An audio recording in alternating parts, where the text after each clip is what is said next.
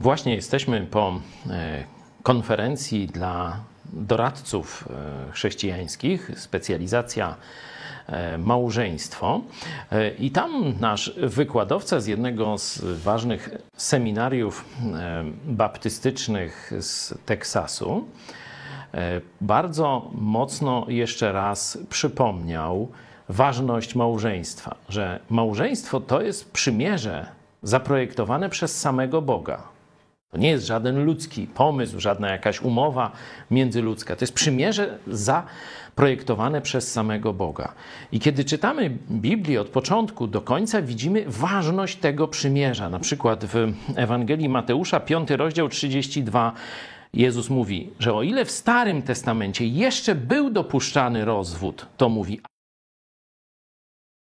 Zobaczcie, każdy, nie tylko chrześcijanin, że każdy, kto opuszcza żonę swoją, wyjąwszy powód wszeteczeństwa, czyli fizycznej zdrady, jeśli by się żona takiej dopuściła, wtedy rozwód jest dopuszczony. W innych przypadkach nie.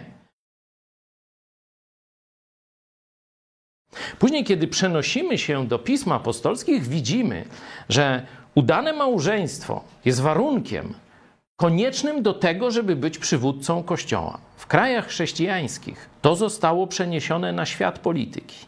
Jeszcze niedawno zdrada małżeńska, skandal obyczajowy przekreślał polityka, usuwał go z życia publicznego. Dlaczego?